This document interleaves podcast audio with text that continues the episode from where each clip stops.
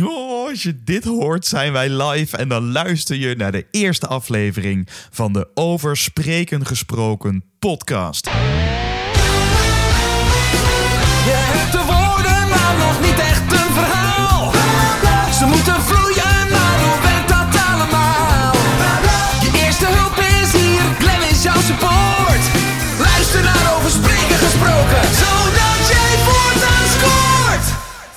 Hey, en wat fijn dat je luistert naar de allereerste aflevering van de Over Spreken Gesproken podcast.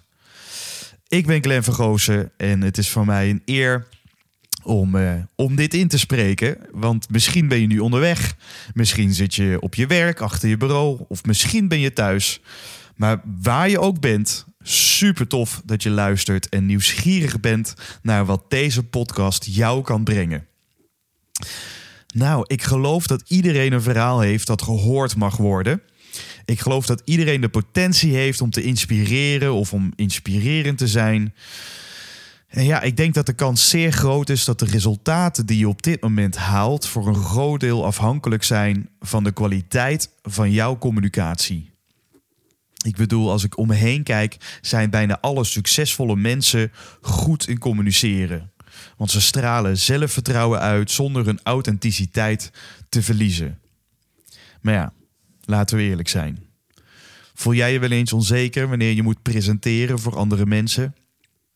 Heb je soms last van dat je eh, vastloopt in je woorden en eh, ja, een wollig en verwarrend verhaal vertelt? Wil je graag misschien spreken met impact, maar weerhoudt plankenkoortje ervan om ook daadwerkelijk het podium te pakken? Ja. Nou, ook ik loop hier uh, dagdagelijks tegenaan. En terwijl ik dit opneem, voel ik enerzijds mijn energie en enthousiasme stromen. Ja, en vind ik het tegelijkertijd ook rete spannend om te doen. Want we communiceren nooit enkel met onze toehoorders, ons publiek. En we communiceren ook voortdurend met onszelf. En dat merk ik nu ook. En misschien herken je wel dat stemmetje in je hoofd.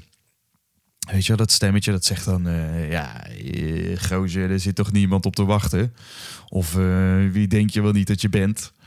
Of waar ik op dit moment heel erg veel last van heb... is zo'n stemmetje die zegt... ja, als het niet perfect is, dan deel ik het maar liever niet. Herken je dat stemmetje? Nou, in dat geval wil ik je meenemen op reis. Ik wil je meenemen op reis langs mijn eigen ontwikkelpad. Want na luisteren van deze aflevering weet je waarom ik deze podcast maak, wie ik ben en hoe dit jou gaat helpen om krachtiger, effectiever en met meer ontspanning te spreken. Deze podcast is gemaakt voor mensen die door middel van hun verhaal anderen willen inspireren, motiveren of overtuigen. Want eh, zoals verbaal meester Remco Klaassen altijd zegt, ervoor zorgen dat mensen iets zullen doen, laten of nooit meer vergeten. En ja, stiekem heb ik deze podcast ook een beetje voor mezelf gemaakt. Want ik ben gepassioneerd over mijn vak. Ik werk als trainer, als spreker, als sprekersregisseur. En ik mag mensen begeleiden om de beste versie van zichzelf te worden.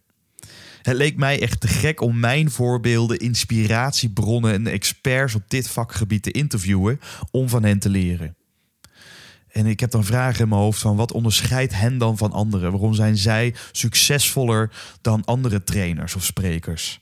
Wat kunnen we van hen leren over spreken met impact, de kracht van storytelling of de geheimen van beïnvloeding? Mijn doel, gewoon mijn persoonlijk doel, is dat ik ieder jaar een betere versie van mezelf kan worden. En ik zou deze inzichten voor mezelf kunnen bewaren, maar hey, sharing is caring. Dus ik deel het geleerde, mijn ontwikkelreis graag met iedereen die het wil horen. En tegelijkertijd is deze podcast ook een beetje uit noodzaak ontstaan. Ik werk zelf dus als trainer bij Franklin Covey. Dat is het internationale instituut van Stephen Covey. Misschien ken je de beste man wel. Hij is de schrijver van het wereldberoemde boek De zeven eigenschappen van effectief leiderschap. En bij Frank Covey helpen we bedrijven met een cultuur of gedragsverandering. Maar ik kom te vaak langs bij bedrijven waar de directeur weliswaar een prachtige intentie heeft, maar zijn visie vertaalt in een saai en onsamenhangend verhaal. Ik heb echt te vaak mijn tijd mogen uitzitten in slaapverwekkend vermoeiende presentaties. De bekende death by PowerPoints. Of ik geef trainingen aan verkopers die eerder als wandelende flyers fungeren dan dat ze daadwerkelijk verkopen. Echt, als je dit herkent, we want no more. Dat is de reden voor deze podcast. Over spreken gesproken podcast helpt je korte metten te maken met plankenkoorts, zodat je met meer impact jouw verhaal over de bühne weet te brengen. En daarover gesproken, bühne, podium, misschien is het goed om een klein beetje te vertellen over waar mijn reis is begonnen. Want uh, mijn doel was aanvankelijk helemaal niet om trainer en spreker te worden. Uh, ik groeide op met de gedachte dat ik heel graag wilde acteren. Ik wilde heel graag acteur worden. Uh, want een van mijn basisbehoeftes, laat ik daar maar meteen eerlijk over zijn, is aandacht. dus als kleine jongen um, keek ik bijvoorbeeld, een van, een van mijn inspiratiebronnen toen was Hans Kazan. Ken je die man nog? Die, die in de jaren negentig uh, zijn eigen goochelshow had op televisie. En dat keek ik dan. En uh, ik raakte echt gefascineerd door de magie van, van de illusie, van de verwondering van theater. En dan ging ik boven naar mijn kamertje en dan, ja, dan oefen ik al die trucjes. En op het moment dat er dan visite thuis kwam en ik al lang in bed lag, stapte ik uit mijn bed, voetje voor voetje naar beneden. En op het moment, hè, de, de kunst was ook om niet gepakt te worden door, door mijn ouders op het moment dat ik nog op uh, de eerste verdieping was. Want als ik eenmaal in de woonkamer stond, ja, dan, uh, dan konden ze me niet naar boven terugsturen zonder dat ik even een goocheltrucje had gedaan. En in die vijf minuten waren alle ogen op mij gericht en uh, die aandacht vond ik fantastisch. Dus op hele jonge leeftijd sloot ik me aan bij een amateur toneelvereniging. En de eerste jaren daar, ik heb tot mijn veertiende gewoond in Limburg. En daar speelde ik eigenlijk ieder jaar in een, in een toneelvoorstelling. Voornamelijk geregisseerd door Bert Kop. Nou, waarom noem ik Bert? Uh, Bert Kop is een, uh, was dus als kind een enorme inspiratiebron voor mij. En Bert zei altijd van... joh jong, als tu ooit bekend wordt... dan moet ze niet vergeten je naam te noemen. Wat betekent, als jij ooit bekend wordt, dan vergeet zeker niet uh, ook mijn naam te noemen. Dus bij deze Bert, ik ben dan weliswaar niet op televisie, maar ik noem nu heel graag je naam. Bert is helaas twee jaar geleden overleden. En, maar hij zei vroeger al tegen mij: Jong, als toen geen Steven Piemel kreeg van op het podium, kind ze beter toes blijven. Wat wil zeggen, als jij een stijve piemel krijgt van op het podium staan, dan kun je weten thuis blijven. Want het is een keiharde, moeilijke wereld. En als jij dus niet echt super graag wilt, ja, dan zijn er altijd andere mensen die veel liever willen dan jij. Dus hij challengede mij. Hij zorgde ervoor dat ik het discipline had om, uh, om hard te werken. En dit resulteerde dan ook dat ik uh, uh, na mijn middelbare school ging studeren aan de theateropleiding. Nog steeds vol van de overtuiging om, um, ja, om, acteur te worden. Maar naast mijn behoefte aan aandacht, één basisbehoefte, heb ik ook een andere basisbehoefte. En dat is dat ik er graag wil, toe, toe, wil doen. Dat ik graag andere mensen wil helpen. Ik ben altijd zeer gefascineerd geweest over de vraag: waarom doen we nou wat we doen? Dus wat maakt nou dat de ene persoon succes heeft en de ander niet? Wat maakt nou dat de ene persoon een gelukkig leven leidt, terwijl dat hij altijd uh, of eigenlijk niet altijd, dat hij juist niet de wind in de zeilen heeft gehad. En dat iemand die, uh, waarbij alles op een leien dakje is gegaan, dat hij niet gelukkig is. Hoe, hoe zit dat? En terwijl dat ik op de theateropleiding zat, merkte ik op een gegeven moment dat uh, alleen dat podium, dus alleen maar spelen als acteur, um, waarbij het grootste goed is dat je ooit een keer in carré mag staan, weet je wel, dat dan een zaal vol zit. Mensen zeggen, hé hey, gozer, laat me eens man. Ja, ik merkte gewoon op een of andere manier dat dat niet mijn unieke succesformule was. En misschien komt het er ook gewoon. Dit is een, mooi verhaaltje wat ik mezelf heb verteld. Ik, ik kan me ook zo voorstellen, ik was gewoon niet getalenteerd genoeg om echt tot die beste groep te behoren. Omdat nou, ik het dus gewoon ook interessant vond van waar, waarom doen we wat we doen en hoe kan ik daarmee uh, met die inzichten andere mensen helpen. Dus ik kwam er op de toneelschool op een gegeven moment achter dat er ook iets bestond als trainingsacteren. En er bestond anderzijds ook iets als uh, dramatherapie. Dus therapie, eh, vooral gericht aan mensen met een verstandelijke beperking. eh, in de gezondheidszorg. En daar helpen ze mensen met een sociaal-emotionele ontwikkeling door middel van theater. Ja, en hier kwamen die twee werelden bij elkaar. De wereld van aandacht en de wereld van eh, ertoe doen. Andere mensen helpen. En daar ben ik eh, uiteindelijk in gespecialiseerd. Na mijn afstuderen ben ik begonnen als ZZP'er, eh als trainingsacteur. En heb ik in alle handen bedrijven van de politieacademie tot supermarkten, tot callcenters, tot aan overal waar communicatie voorbij kwam. Eh, daar kwam ik dan als levend oefenmateriaal eh, met de deelnemers oefenen eh, om, om hen te helpen met hun communicatievaardigheden.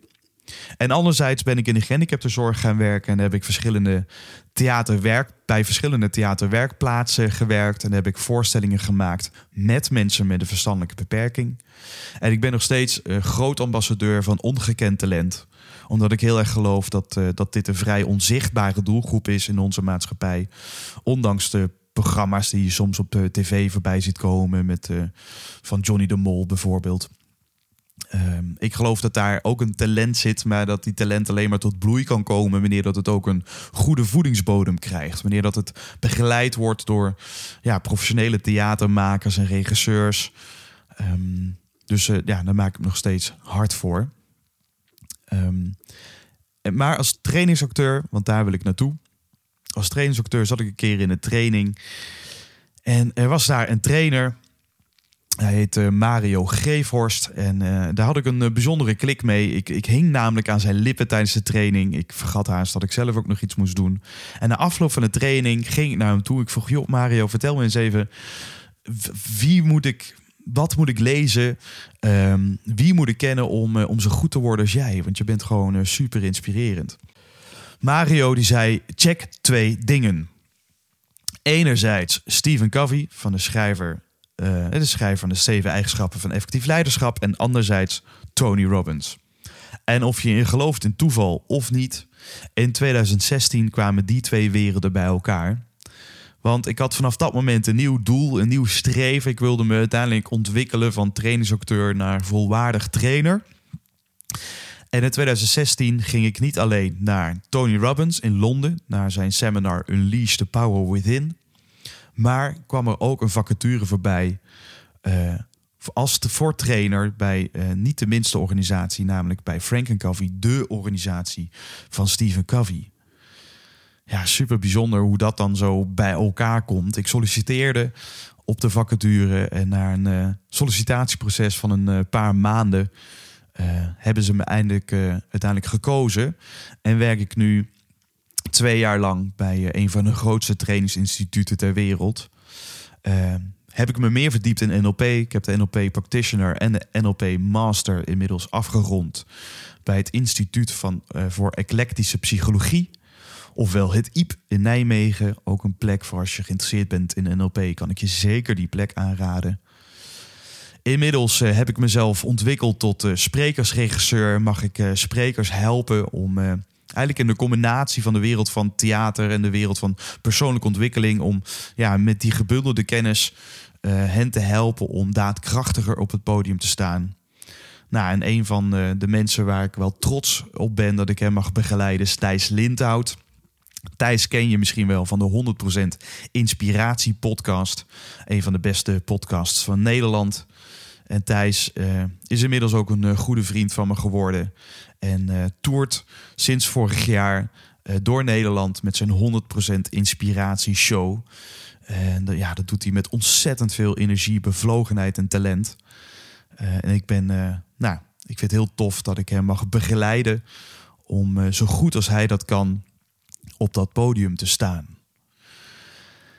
Ja, en zodoende probeer ik, eh, probeer ik mezelf te ontwikkelen, probeer ik te groeien. En eh, dit jaar is dus een groot nieuw project, deze podcast, de over spreken gesproken podcast. En elke eerste en derde vrijdag van de maand staat er een nieuwe aflevering online. En deze is vindbaar via alle kanalen, iTunes, Spotify, Soundcloud of je favoriete podcast-app. En alle interviews worden ook met een camera opgenomen. Dus wil je het interview terugkijken, dan kan dat zeker via YouTube. En eh, op mijn website Glenn of oversprekengesproken.nl vind je alle interviews met show notes onder elkaar terug.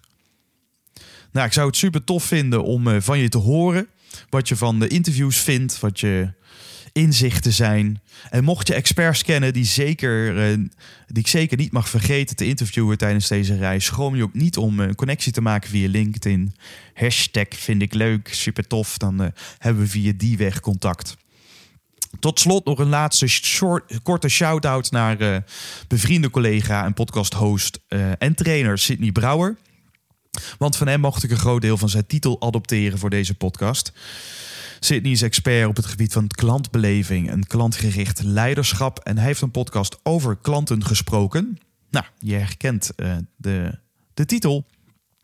Want ik vond over spreken gesproken zo dubbelzinnig. En uh, ik, zei, ja, ik vond het een goede titel. Van hem mocht ik uh, een deel van zijn titel adopteren. Dus Sydney bedankt. En bij deze ook zeker een aanbeveling om zijn podcast te checken. Ja, pam. Volgens mij uh, zijn we er. het is ook echt.